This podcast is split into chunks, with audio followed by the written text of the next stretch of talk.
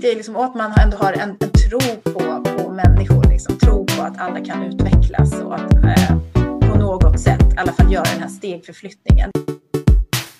Hej och välkomna till en ny säsong av Vägledningspodden som görs på uppdrag av Stockholms universitet för studenter men också vi hoppas att det är andra som jobbar som studievägledare och samtal generellt också vill lyssna på oss.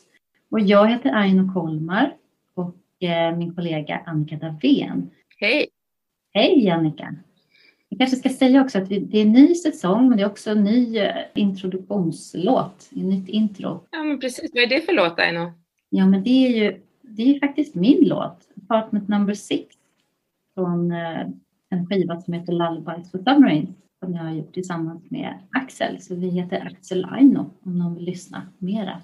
Axel med K. Mm. Finns på Spotify. Precis, jättekul att vi har en ny låt.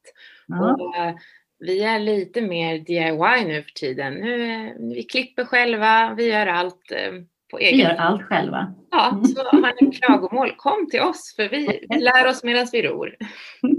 Precis. Och ska jag säga någonting om temat för den här våren?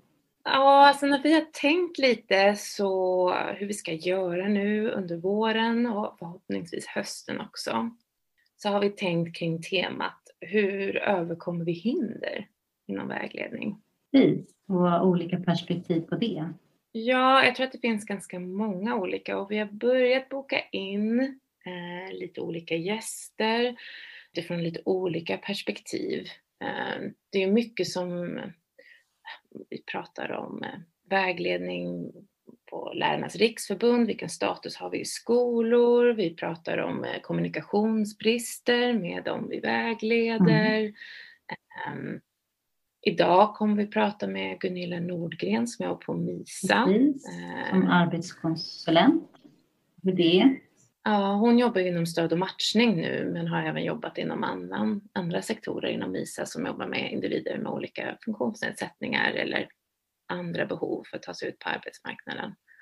Eh, jag tänker att det här är ett bra samtal om man är nyfiken på hur man kan jobba med människor på längre sikt, hur det är att jobba i en fast form som stöd och matchning till exempel. Vad har man för friheter och möjligheter och vad finns det för förväntningar inom en eh, när man ska hjälpa människor? Hur många stolar ska man sitta mm. på? Och inte minst hur det är att arbeta kanske då också i, en privat, i den privata sektorn. Exakt. Så har ni tankar och idéer kring det? Mejla valtidningspodden gmail.com. Mm. Mm. Och här kommer Gunilla. Hon introducerar sig själv. Ja, men jag heter Gunilla Nordgren och eh, jag jobbar idag som arbetskonsulent på MISA. Och där har jag jobbat i nu drygt sex år. Och jag jobbar eh, för närvarande i en tjänst som heter stöd och matchning. Men jag har jobbat med lite andra tjänster och inom LSS också tidigare på MISA ja, vad ska man säga mer om mig? Min bakgrund tidigare, det är ju lite inom att jag har varit på en del myndigheter, Arbetsförmedling, Försäkringskassa och jobbat en del med eh, inom hälsa och hälsocoachning tidigare. Och nu är det på MISA? Ja, nu är jag på MISA. Hur är det att jobba på MISA? Är, om någon som inte vet vad MISA är, berätta. Ja, men MISA är ju ett privat företag som jobbar med att ge stöd till människor ut i arbetslivet på olika sätt så skulle man kort kunna beskriva MISA. Eh, och många brukar ju fråga vad MISA står för, själva namnet då. Och det är ju då metodutveckling, individuellt stöd, samhällsinriktning och arbetsinriktning. Ja, så MISAs tanke är liksom att alla människor har en plats i arbetslivet på något sätt oavsett förutsättningar då, om man bara ges rätt stöd.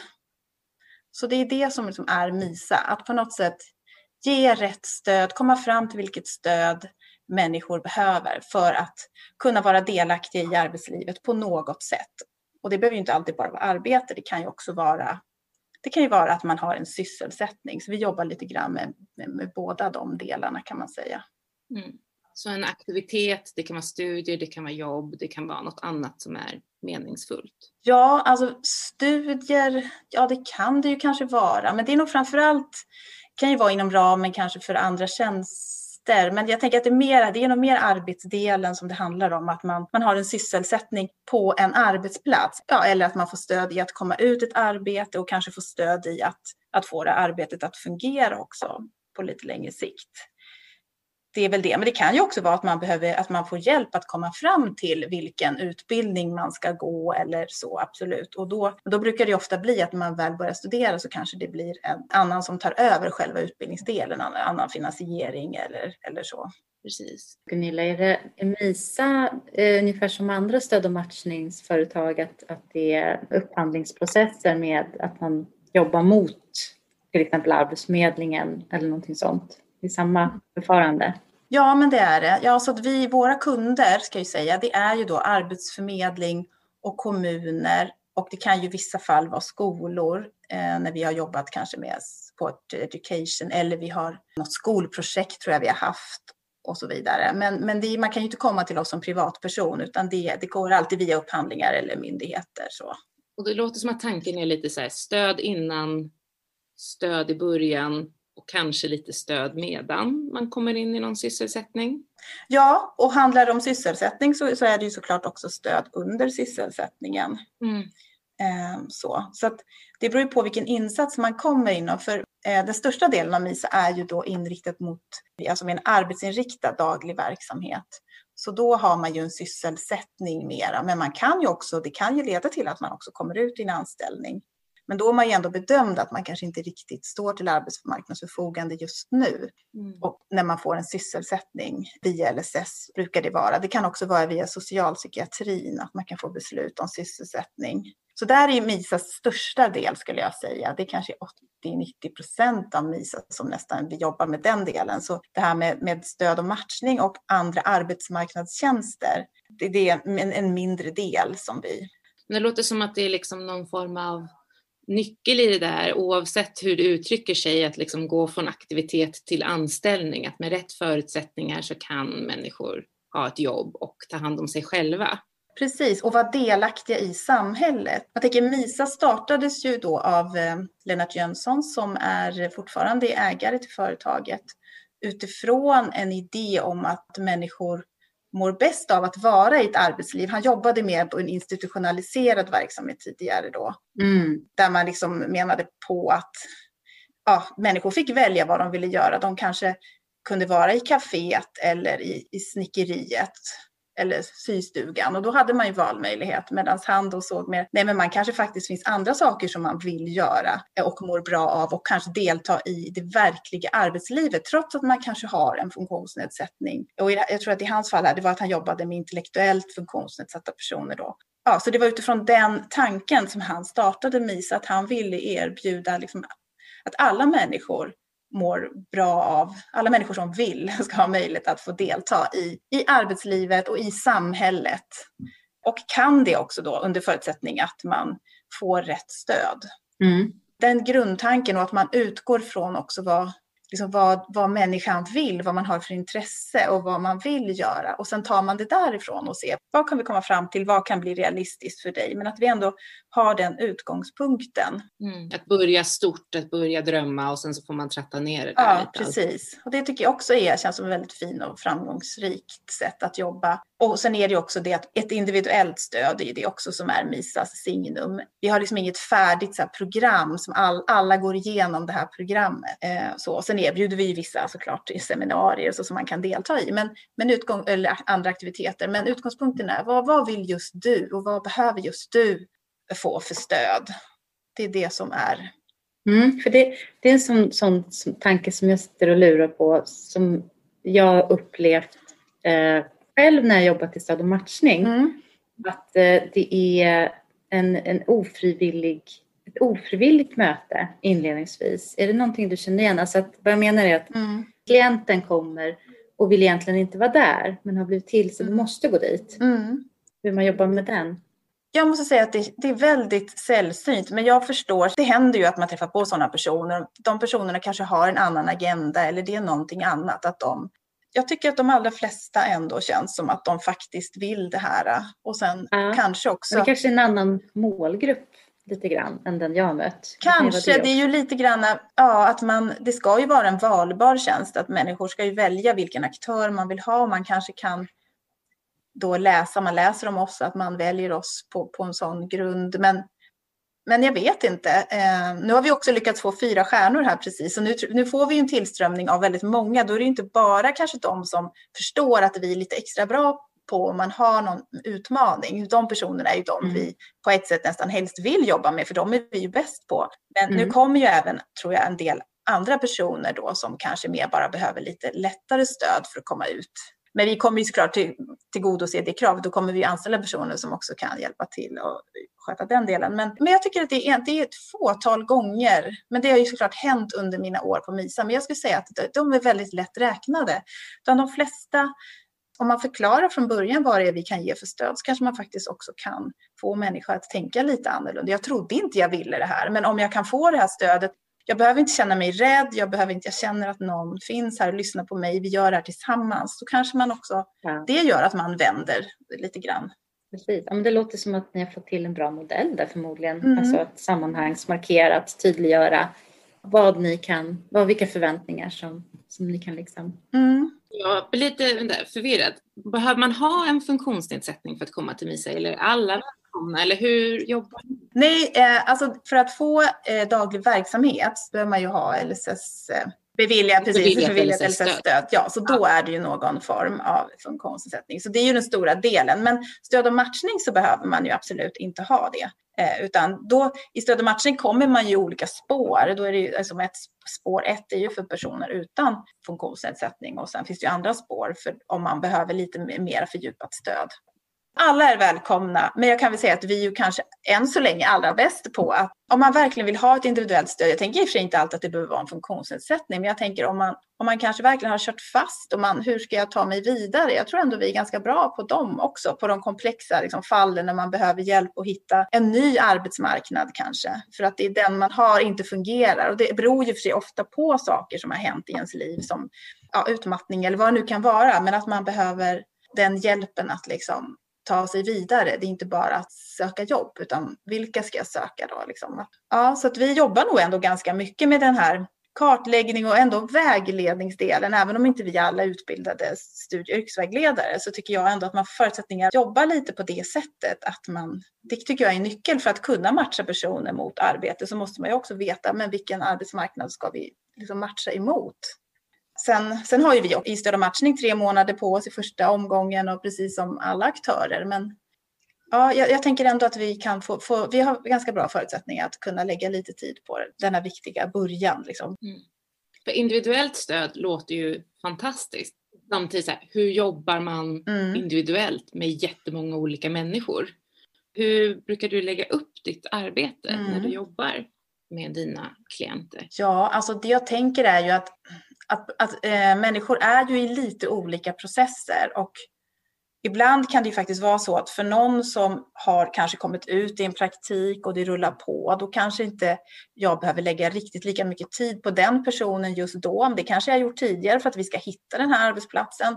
För någon annan kanske kräver lite mer, det strular eller kräver lite mer, då kanske jag får lägga lite mer tid på den så förhoppningsvis kan man balansera lite där arbetsmängden och, så att man ändå kan ge alla det de behöver. Det tänker jag är att man, man får försöka jobba lite, lite smart där Liksom, att, eh, men sen skulle jag ju också säga att jag tycker ju att vi på MISA får bra förutsättningar att, att göra ett bra jobb. Vi inte behöver ha den enorma mängden så att vi inte kan leverera kvalitet. Och det, det tror jag kan skilja sig från olika stöd och matchningsföretag. Absolut. Mm. Men är det du som fixar en praktikplats till en? Om man är lite så här konkreta. Är det du som måste ringa och skaffa det eller har ni en bank eller, eller hur? Vad har ni för förutsättningar och verktyg att jobba med? Vi brukar ju, vi går ju ut med, och det har vi ju liksom över 2000 arbetsgivarkontakter så. Sen är ju såklart inte alla uppdaterade och hel, allt hela tiden och så. Men, och vi har ett, ett system där vi, har, där vi skriver ner våra arbetsgivarkontakter. Så det kan man absolut använda sig av. Sen använder vi oss av varandra mycket. Vi har ju möten mellan kollegor där vi tipsar varandra. Att liksom jag kanske kontaktar en arbetsgivare så har inte jag någon, då kan ju någon annan få den platsen. Så lite så hjälp kan man ju få från kollegorna. Men till största delen skulle jag ändå säga, eftersom det är ett individuellt stöd så blir det ju ändå oftast är det ju ändå jag som skulle jag säga ordnar platsen kanske till de jag jobbar med. Men ibland så gör ju de det själva, men det händer inte så ofta. Men, men det jag försöker eh, få till i alla fall är en del, ett samarbete mellan oss. Så att personerna själva kommer med så mycket förslag som möjligt och sådär. Men sen kan jag vara den som kan kontakta eh, arbetsgivare för, för det, det, är oftast lite svårare att ett, liksom hitta en praktikplats då åt sig själv. Det är liksom lite svårare. På samma sätt som det är svårare för mig att, att söka ett jobb åt någon annan. Det kan inte jag riktigt göra.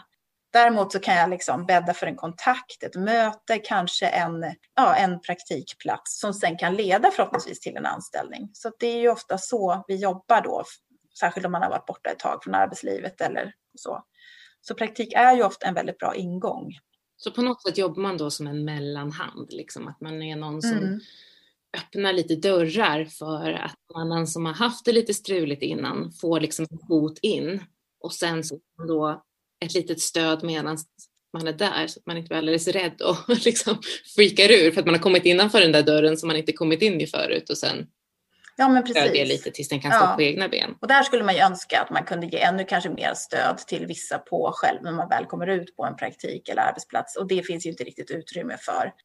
Så där kan man inte riktigt jobba enligt kanske våran metod som vi skulle önska. Det får man ju anpassa lite efter tjänsten. Men men, men ändå att, att i alla fall finnas där och även för arbetsgivaren att de finns någon de kan kontakta om det strular. Det finns någon, liksom, ja, en som du säger, en mellanhand eller så. Och ibland händer det faktiskt att arbetsgivare hör av sig till oss och, och, och vill ha och liksom frågar om inte vi kan hjälpa till med någon för att vi har haft ett sånt lyckat samarbete tidigare. Så, så goda kontakter ger liksom goda kontakter. Så det är lite häftigt att när det blir så. Mm. Jag, jag sitter och funderar också på en, en nyfiken fråga kring det här med eh, hur ni följer upp eh, alltså, ja, hur ni följer upp hur det har gått och liksom på något sätt kvalitetsgranskar er verksamhet. Alltså hur, ja, mm. just uppföljningsarbetet, hur går det ja. till?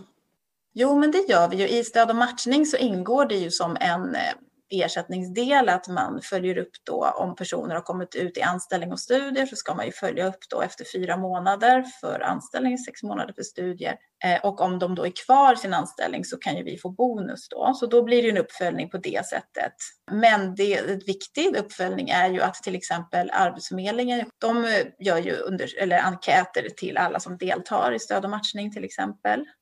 Sen så gör ju vi, om man tänker på en LSS-verksamhet så finns det ju också brukarundersökningar och för de personer som kanske har svårare att bara svara på en enkät och då samlar man tror jag och har så här intervjuer och grupper och sådär. Så, så det följer vi upp och vi har ju avstämning med, med handläggare, alltså inte på Arbetsförmedlingen, de har inte möjlighet till det tyvärr, men på kommuner och så, så brukar man ha avstämningar. Så jag tror att det försöker vi ju ändå, det är viktigt för oss med, mm. med nöjda både kunder och deltagare kallar vi dem då som går hos oss. Mm. Ja, för att liksom på något sätt också kunna kartlägga resultat i någon mening. Alltså just hur, ja, för det är ändå personer som går igenom systemet som rör sig. Så vi har ju sådär att vi alltid noterar liksom avslutsorsak hos oss. Ute i arbete eller studier eller det åter till uppdragsgivaren eller och vilken typ av anställning blev det och vilka... Jo, men så det, det följer vi upp så här rent statistiskt också. Men hur hanterar du det personligen? För jag hör å ena sidan det här äh, individuellt stöd, man ska vara närvarande och mm. anpassa och sen mm. i andra handen så ligger det här med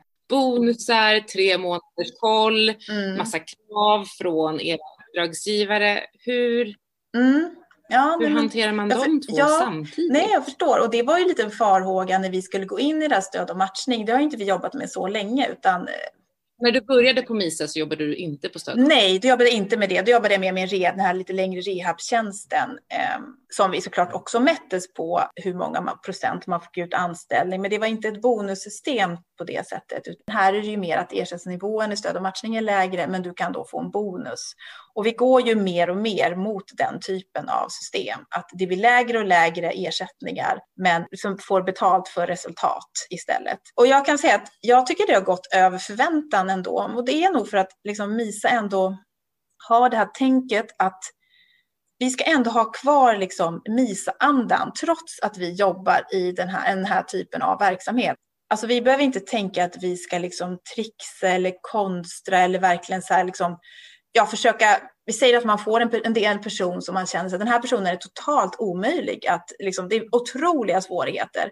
Det är klart att vi ska hjälpa den till rätt myndighet om det är så att den verkligen inte ska vara då gör vi ju det. Men, men vi liksom säger inte att du kan inte delta i stöd och matchning för vi tror inte att vi kan få bonus på dig. Så skulle vi aldrig. Det är såklart resultat. Vi måste ju också gå runt. Men det i första hand är att hjälpa människor att göra stegförflyttningar. Jag tror människor ändå känner att trots att jag har de här svårigheterna och jag kom inte ut i jobb kanske eller så, men, men det, jag kom ändå vidare. Nej, men det låter ju som att ni möter personer där de faktiskt är mm. och ser vad kan vi göra? Hur kan vi komma eh, vidare? Liksom hur hur mm. kan jag hjälpa dig att hitta? Alltså på något sätt i alla fall i någon, någon riktning. Mm. Och, det, och det är ju mer, egentligen kan man inte göra mer i en stödverksamhet tänker jag. Så det är ju där. Nej. Sen måste ju individen själv liksom göra själva jobbet i slutändan. Mm. Ja, men precis. Så om man får möjligheten att ge det individuella stödet och så, så blir det ändå tillräckligt för de hårda resultaten, om ni förstår vad jag menar. Mm. Så att därmed kan det också finnas utrymme att också göra någonting för den här personen som på något sätt kanske en del andra hade mer sagt att det här är verkligen inte ett ärende för oss, men då kanske vi ibland så ändå, liksom, jag blir jätteglad när jag ändå såklart får ut någon i anställning, men mest för personens skull och inte så mycket för för bonusens skull. För det, det, vi uppmuntras inte att tänka på det sättet, liksom, att mm. bonusen är viktigast. Utan, um, mm. Ja, för jag tänker att um, temat som vi har nu för den här podden och den här säsongen är ju hur man överkommer hinder i mm. vägledning. Så mm.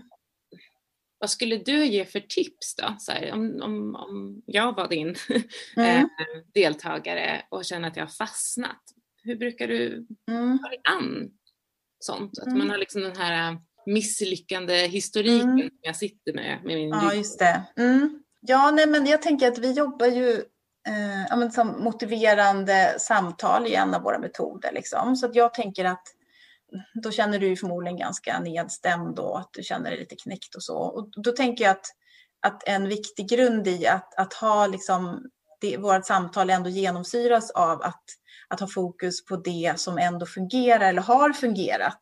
Och det som mm. fungerar. Och utforska det. Ja, att i första hand, och det är liksom ändå att vi, det har vi ju nog också generellt på MISA, att vi har liksom fokus på det som fungerar snarare än hinder. Även fast du kanske har en diagnos eller någonting så är det ändå fokus på det som fungerar i första hand. Sen behöver man identifiera hinder såklart och jobba med det. Men så det tänker jag. och Då kan man till exempel prata om kanske vilka, eh, menar, att gå igenom lite grann, vilka tidigare arbeten har du haft och gå igenom då kanske framförallt med betoning på vad har fungerat i dina tidigare jobb. Men också ganska bra att titta lite på vad är det som inte har fungerat då? För där tycker jag man kan få en del ledtrådar också.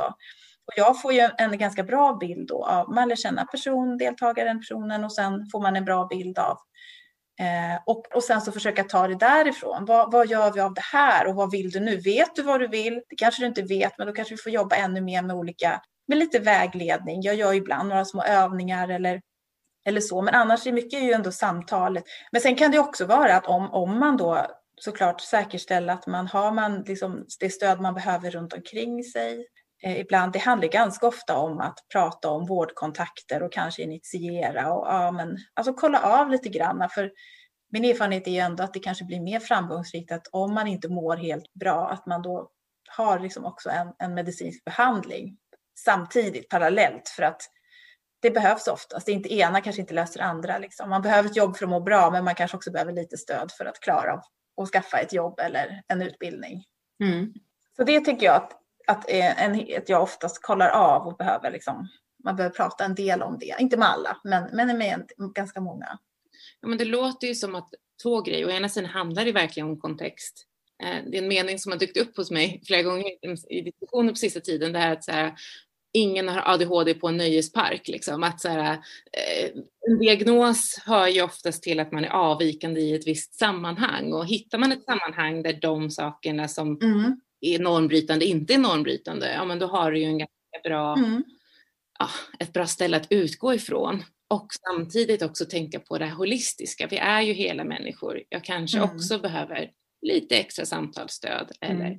lite mer motion mm. eller vad det nu kan vara för att det här ska bli hållbart. Um, det här med kompensatoriska tänkandet, att vi, vi, mm. vi alla befinner oss på en glidande diagnosskala kan man ju säga. Liksom, och att det är bara när det blir ett mm. hinder i vardagen som, som, det, som det blir problem. Mm. Och att vi alla kompenserar på olika sätt och olika sidor vi har. Eh, mm. Men om man väljer att se människor så, tänker jag, så att det handlar mer om ja, men hur, vad behöver du för stöd för att liksom, ja, men som olika, om man tänker olika pallar, om man är olika lång mm. så att vi blir lika långa mm. liksom. Att det är med det det handlar ja. om, att det inte är att, Precis. att ha det synsättet. Mm. Ja, och i Sverige har vi ändå förmånen med det här fina systemet att man också kan ha möjlighet att få en anpassad anställning, alltså lönebidrag. Mm. Eh, alltså om det blir svårt att hitta, man kan också hitta den här välmatchade arbetsplatsen som ni är lite inne på, att då kanske inte ens behövs för man, man hamnar i rätt. Men, mm. men det finns också, det kan ju ibland vara lite svårt att hitta och, och, så, och då finns ju ändå möjligheten att om en arbetsgivare är villig att göra vissa anpassningar för personen, mm. att då få kompensation för att de gör det lönemässigt då via Arbetsförmedlingen. Det. Så det är också någonting som vi jobbar med att eh, om en praktik till exempel, att sen kanske utveckla det då till en anpassad anställning, lönebidrag eller liknande. Mm. Um, så, så att sen, eh, sen har ju det sina utmaningar såklart, att ibland sen efter ett tag kanske den överenskommelsen glöms bort och man får ändå lite ofta svårare att klara sig på arbetsmarknaden. Man byter oftast jobb oftare om man har anpassade anställningar. Um, när chefer byts kanske anställningar avbryts och så vidare. Så det är ju ändå en mycket mer utmanande arbetsmarknad för dem som behöver det stödet. Men, men det finns, där skulle vi på MISA bara önska att det fanns ännu mer eh, möjlighet till att ge det uppföljande stödet också. Eh, så, för att det är inte bara att, att att få en anställning, det är också att kunna behålla anställningen och då kan man ju behöva ett fortsatt stöd. Men där finns det inget bra system för idag. Det har vi tittat på. Kan, man, kan vi försöka skapa någon försäkring eller kan vi utveckla någonting där? Men, och det håller vi väl på med tror jag fortfarande på MISA. Men det, ja. Så det kan vi se en brist mm. och det är ju en del i, i vår metod också, supported employment, som vi jobbar med, att man också ska ha ett uppföljande stöd eller stöd på utanför arbetet och att de också ska kunna ha möjlighet att också få en karriär. Mm. Medan det kan ju vara svårare idag. Mm. Jag tänker, alltså, målet är ju inte att någon ska vara beroende av stöd. Målet är ju att någon ska bli så självständig som den kan mm. eller äga sin mm. karriärsberättelse så mycket som den kan, tänker jag. Ja. Precis, men det behöver inte, och det behöver, målet är ju att det ska vara så lite stöd som möjligt. Men, men det man har ändå sett att när liksom stödpersoner, men Arbetsförmedlingen har ju SIUS-konsulenter som jobbar också enligt Support Employment och ger det här stödet. De kan ju finnas kvar lite längre, två, två år tror jag att de jobbar. Men när det försvinner så är det of, mycket oftare anställningarna upphör också. Så att, okay. så att det är inte mm. att man inte, jag tänker att personen ska självklart vara självständig eller så, men det gör ganska stor skillnad att det finns någon person att ringa eller någon som kan fånga upp någonting eller se till att överenskommelsen efterlevs. Mm.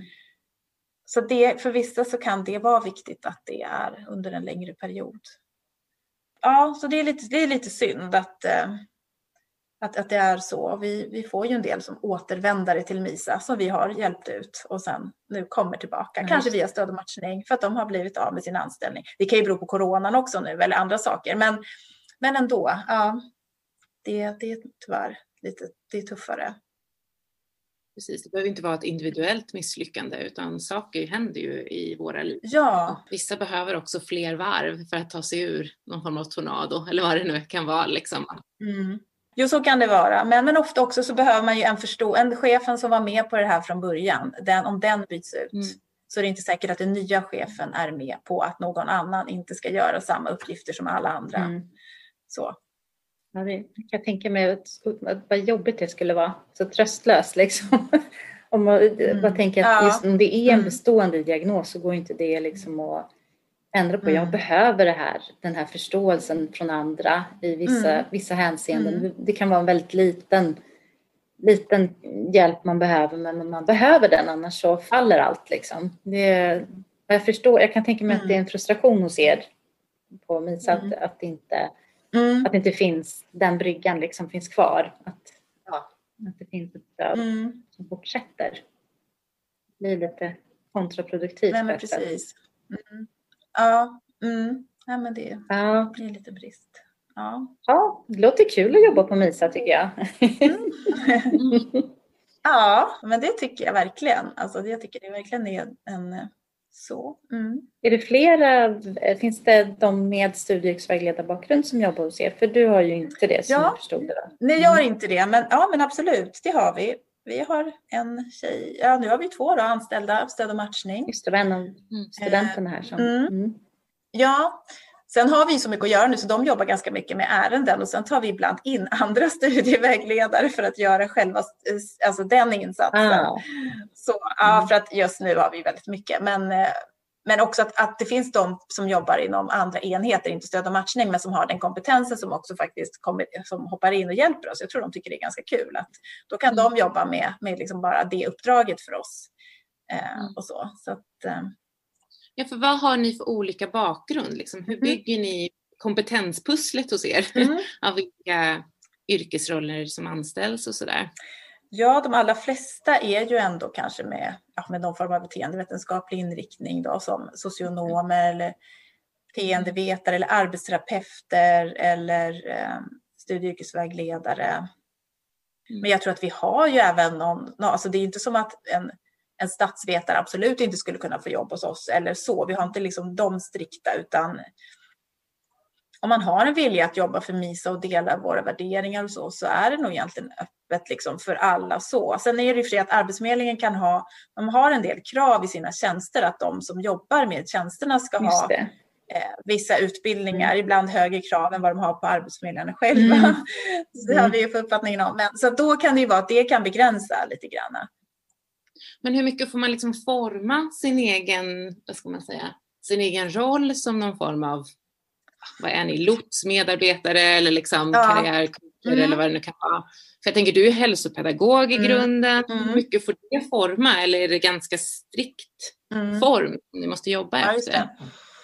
Nej, men det skulle jag inte säga. Det är verkligen inte en strikt form. Utan, och det kan ju vara så att det tror jag en del inte trivs med hos MISA. För att det är mm. väldigt fritt. Man kan ju säga att jag ansvarar för mina personer. Men jag planerar min vecka otroligt självständigt. Precis hur jag, alltså jag ska ju träffa dem ett visst antal. Det kan jag inte. Men hur jag vill boka in dem och eh, också eh, upplägget och så. Sen så är det klart att jag inte skulle kunna bara prata om, jag ska ju prata om liksom arbete, studier, det är ju ändå den inriktningen. Men, men även om jag ser att det är andra saker som man behöver prata om och jag liksom, så kan jag ju göra det. Men jag ska ju ändå kunna motivera det och det ska ju alltid fylla ett syfte, tänker jag. Syfte för personen och för mig och för alltså, tjänsten. Och, och så. Men det är väldigt, eh, vi har ju liksom våra material och metoder och så som vi ska utgå ifrån. Men som sagt, så att det blir ju tror jag också ganska personligt vilken coach man får ändå. Alltså mm. så här, vilket, vilken typ av stöd man får. Um,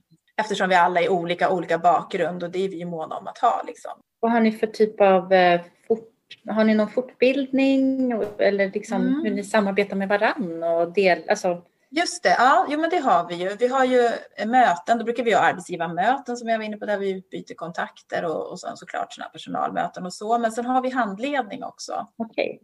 Eh, I grupp? Några gånger per termin. Ja, i grupp ja. då. Så det är oftast, vi kan ju välja lite själv, oftast blir det ju ärendehandledning och det är ju faktiskt väldigt bra med en... en... Ja, ni får som en psykolog som kommer och så har ni hand... Ja, precis. Ja, så tar vi upp ärenden. Så att där, även om vi själva kommer med tips till varandra också såklart, men att det blir väldigt bra när, när hon håller i det och så kommer med sin input och så. Så det, mm. Så det är bra. Sen är ju MISA är ju liksom ett kunskapsföretag och jobbar ju mycket enligt metoder så att grunden är att alla ska gå supported employment. Sen så eh, kan det ju vara fort, att man får fortbildning efter några år eller fördjupning efter några år. Eh, motiverande samtal har vi väl också och ja, men intro, MISAs introduktionsutbildning ska ju de nyanställda genomgå ju en liten utbildning också. Hur lång är den? Eh, ja, den är kanske fyra dagar eller någonting sånt. Ja.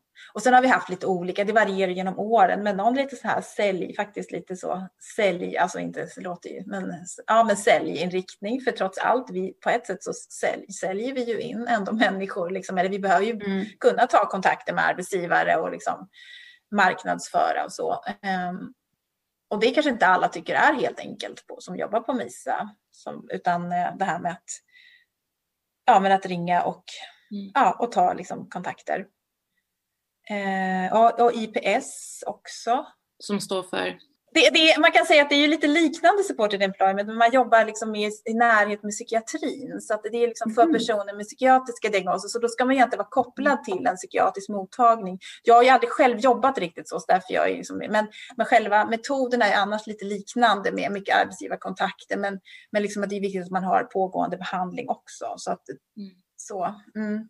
Men jag tycker att det låter mycket när man jobbar med support employment eller IPS eller stöd och matchning i allmänhet. Mm. Mm. Att det är väldigt flexibelt, vilket är liksom det positiva på ett sätt. Att man får mm. jobba mycket själv mm. och samtidigt så om man inte gillar att göra allt, om man inte gillar att mm. även ta arbetsgivarkontakter plus samtal plus form av mm. organisation. Liksom. Man kanske inte är bra på alla delar. Det, kan ju vara, det, det kräver ju en viss typ av personlighet tänker jag. Som, där man mm på något vis. Ja, det är svårt att vara bra på alla de delarna. Man kanske är lite bättre på ja. en eller andra. Mm. Du håller med om det Gunilla, eller att det är lite så att man är lite allt i allo? Eller? Ja, man, jo, jo, man behöver ju vara det. Det är nog svårt att tänka att man absolut inte... Jag vet att vi periodvis har provat att det kanske är någon på, på kontoret eller vad man ska säga, eller i gruppen som ska vara den som sköter alla arbetsgivarkontakter och sådär. Men jag tycker nog personligen att det är svårt för att man har liksom en viss, man får en viss kännedom om personen som gör att jag, att jag mycket lättare kan prata för min person. Eh, men eh, ja, nej, men det kräver nog ändå att i grunden att man Alltså man, kan, man övar ändå upp sig ska jag säga. Så att även om man tycker att det verkar så alla blir ju bättre på att till exempel ta ar, arbetsgivarkontakter och det. För det är nog det som de flesta tycker är lite jobbigt från början. Man kanske gillar att samtala med människor och coacha och den ja, delen har de flesta. Och sen är det den andra delen, den delen som blir mer utmanande. Mm. Eh, men det skulle jag ändå säga att de, de flesta, flesta övar upp efter ett tag. Och man kan ju också använda sig av mejl och en del, jag gillar att ringa mycket men men en del mejlar kanske bara och man kan få kontakt via mejl också. Så, mm. så, man kan hitta sin strategi. Det finns inget att man måste göra på något visst sätt. Men, Precis.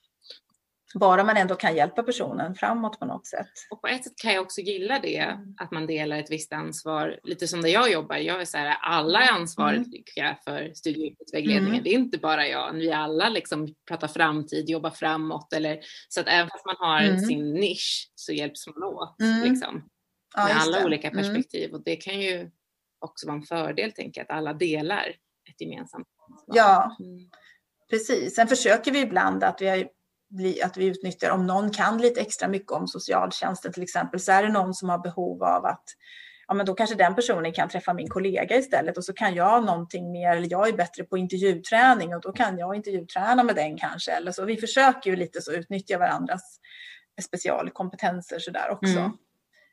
Mm.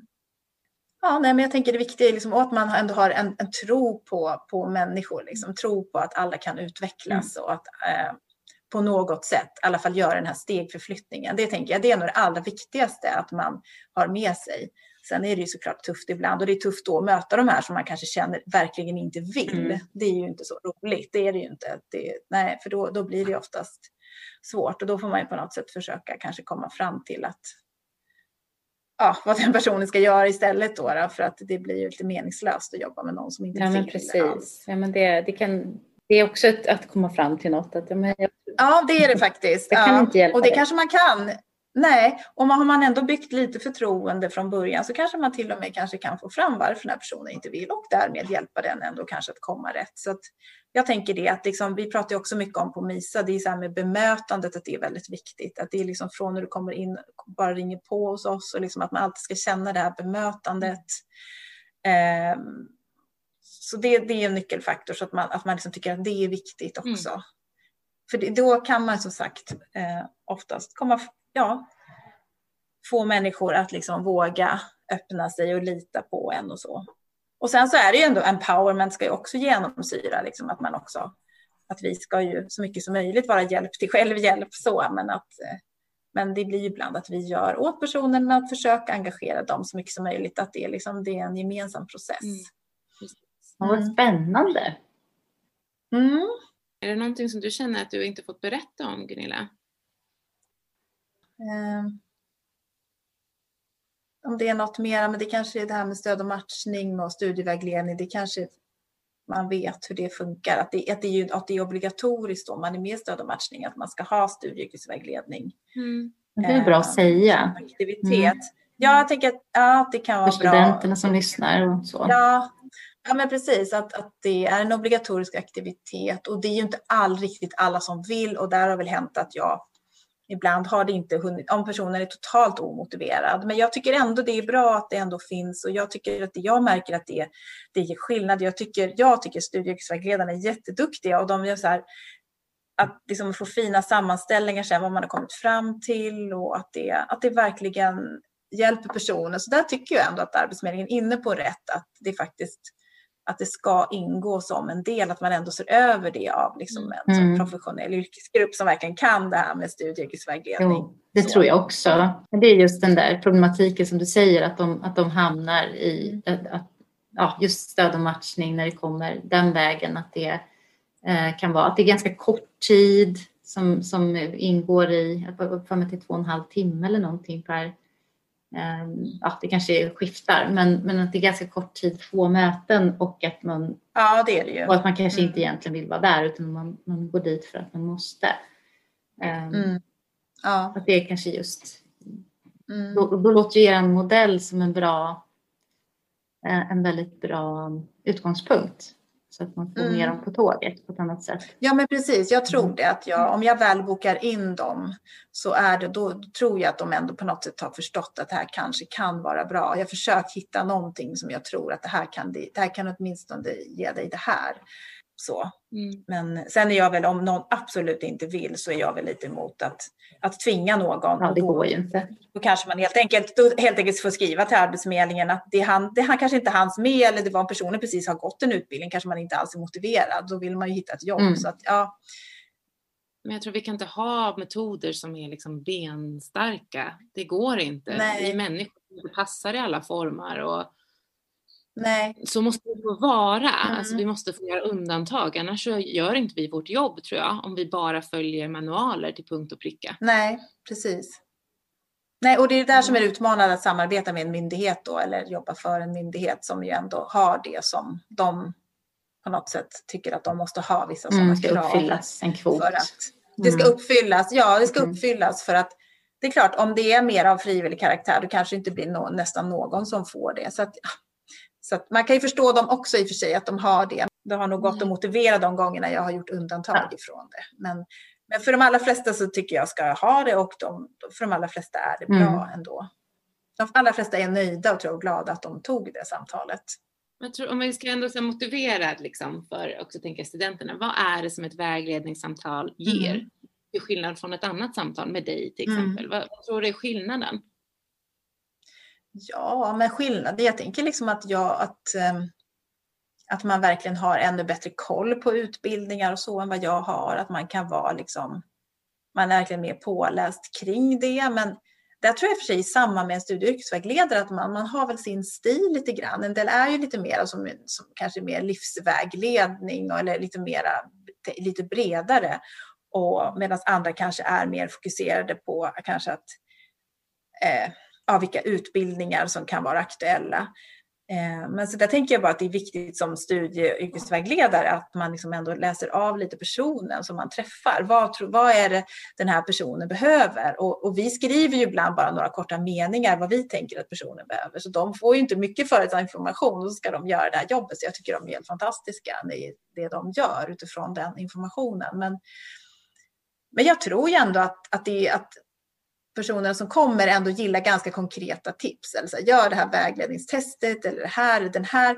Du kan kolla på den här utbildningen eller den här och att man får länkar med sig, att man får det materialet. Eh, och så. Mm. så att, eh, men, men, annars, jag, jag vet jag tänker att det i vissa fall inte behöver skilja sig så mycket. För att det handlar ju också om att, att lyssna in och eh, Ehm, och motivera och kanske locka fram så här att de först säger jag har ingen aning men sen så när man pratar så kanske det kommer fram saker och det är ju tänker jag samma för studievägledare som för en vanlig arbetskonsulent då, som vi kallas som jobbar på MISA. Ja, du var väl lite inne på det också att, att, eh, att, de, att det var bra att de fick en, en bra sammanställning eller liksom var bra på att formulera. Um, Ja. Att du kunde se att det fanns ett behov av just den kompetensen i stöd och matchning liksom, som studievägledare har då. Mm. Formulera. Mm, precis. Och det är något jag tror vi inte trycker på tillräckligt alltid, hur viktigt dokumentation är för mm. vår yrkesroll. Så, eller just det här att man ska kunna kommunicera med andra. Sätta det i, i en kontext liksom. Mm. Ja, mm. vi är själva i det vi gör.